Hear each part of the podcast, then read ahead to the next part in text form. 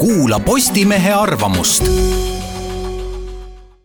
Postimees esimesel novembril kaks tuhat kaheksateist. tervishoid vajab kappremonti. maailmapanga andmetel kulutab Eesti per capita tervishoiule umbes viis korda vähem kui Ameerika Ühendriigid. viis korda, see pole nali. kuidas seda vahet seletada? näiteks internetis müüakse vastavas portaalis tuhande üheksasaja üheksakümne teise aasta VAS-i kahe tuhande euro eest ja kahe tuhande üheksanda aasta Volvo XC kuutkümmet kümne tuhande euro eest. mõtled küll, et mis vahet seal on, mõlemad on autod, rool, mootor ja neli ratast.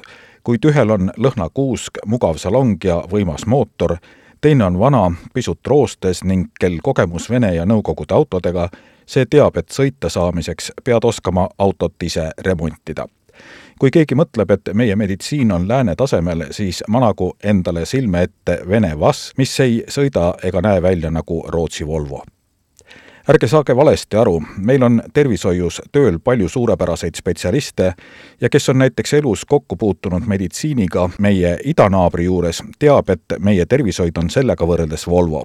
sest mis on tervishoid Venemaal? aspiriin, sidemed, briljantroheline haiglakoiku ja koridoris ringi luusiv arst, kellel on mõttes vaid see, et teie käest oma närusele kuupalgale lisaks raha välja pressida kuid me ei pea ju end võrdlema nendega, kes on viletsamad, vaid ikka nendega, kes on paremad. ja nii kukub välja, et vas oleme meie.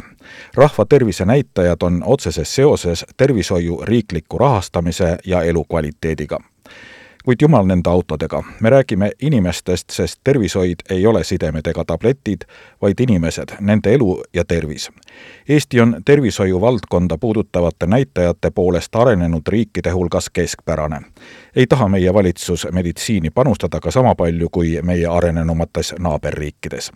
jällegi, jumal sellega, kuid nagu näitab Riigikontrolli audit, on meie tervishoiusüsteem täielikult balansist väljas möödunud aastal olid EMO kulud sada viiskümmend kaks koma kuus miljonit eurot, samas kui perearstiabile kulus sada neliteist miljonit.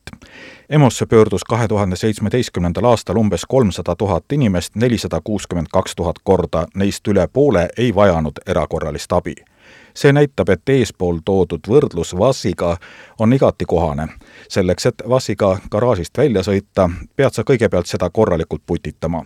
ja sama on Eesti tervishoiuga. see töötab, kuid kuskilt otsast pidevalt midagi laguneb ja kogu aeg on vaja midagi putitada, remontida peaksid ju perearstid olema meie tervishoiu alus, kuid Riigikontrolli auditist tuleb välja, et selleks on EMO.